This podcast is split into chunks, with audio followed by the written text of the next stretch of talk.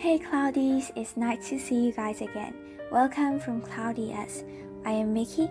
Today I want to tell you an interesting story.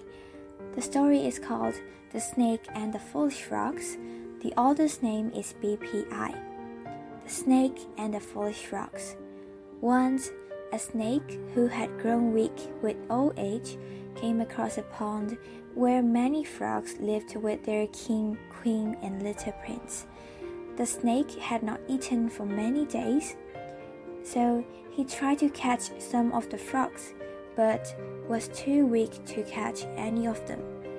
I will have to think of some solution or I will die soon, the snake thought.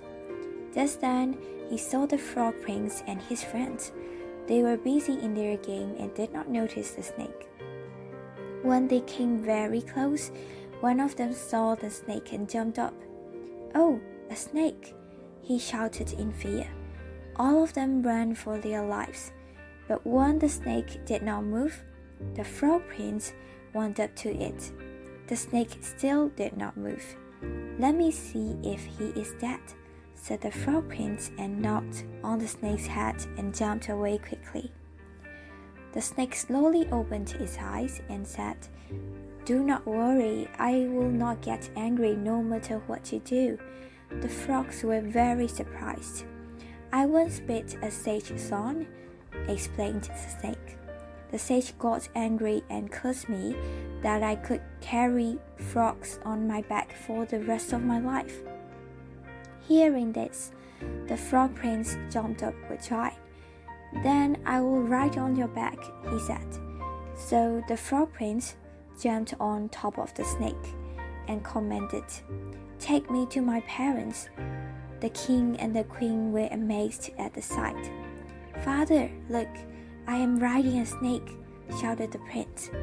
Let us also ride the snake, the queen urged the frog king. So they all sat on the snake. You're moving very slowly, complained the prince. What can I do? answered the snake sadly. I have not eaten for several days. What have you not eaten? The royal mount should be fast and strong, said the king. I can eat only with your permission, answered the snake. Your subjects are my food. How can I permit you to eat us? asked the king. Not the royal frogs, explained the snake. I cannot permit you to eat my subjects, said the Frog King. The prince was very upset and cried, Father, please permit him. I don't want to lose him. Even the queen spoke up. Do permit the snake. How many frogs can he eat anyway?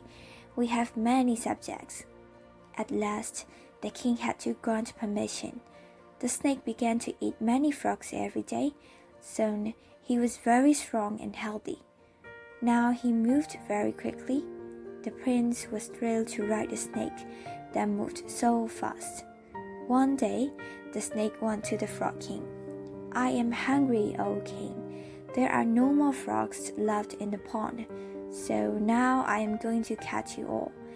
And the wicked snake pounced on the all three fire frogs and ate them up. This is the end of the story. The moral story is that we need to stay away from bad. So, uh, I hope you guys enjoy the story and see you in the next episode. Goodbye.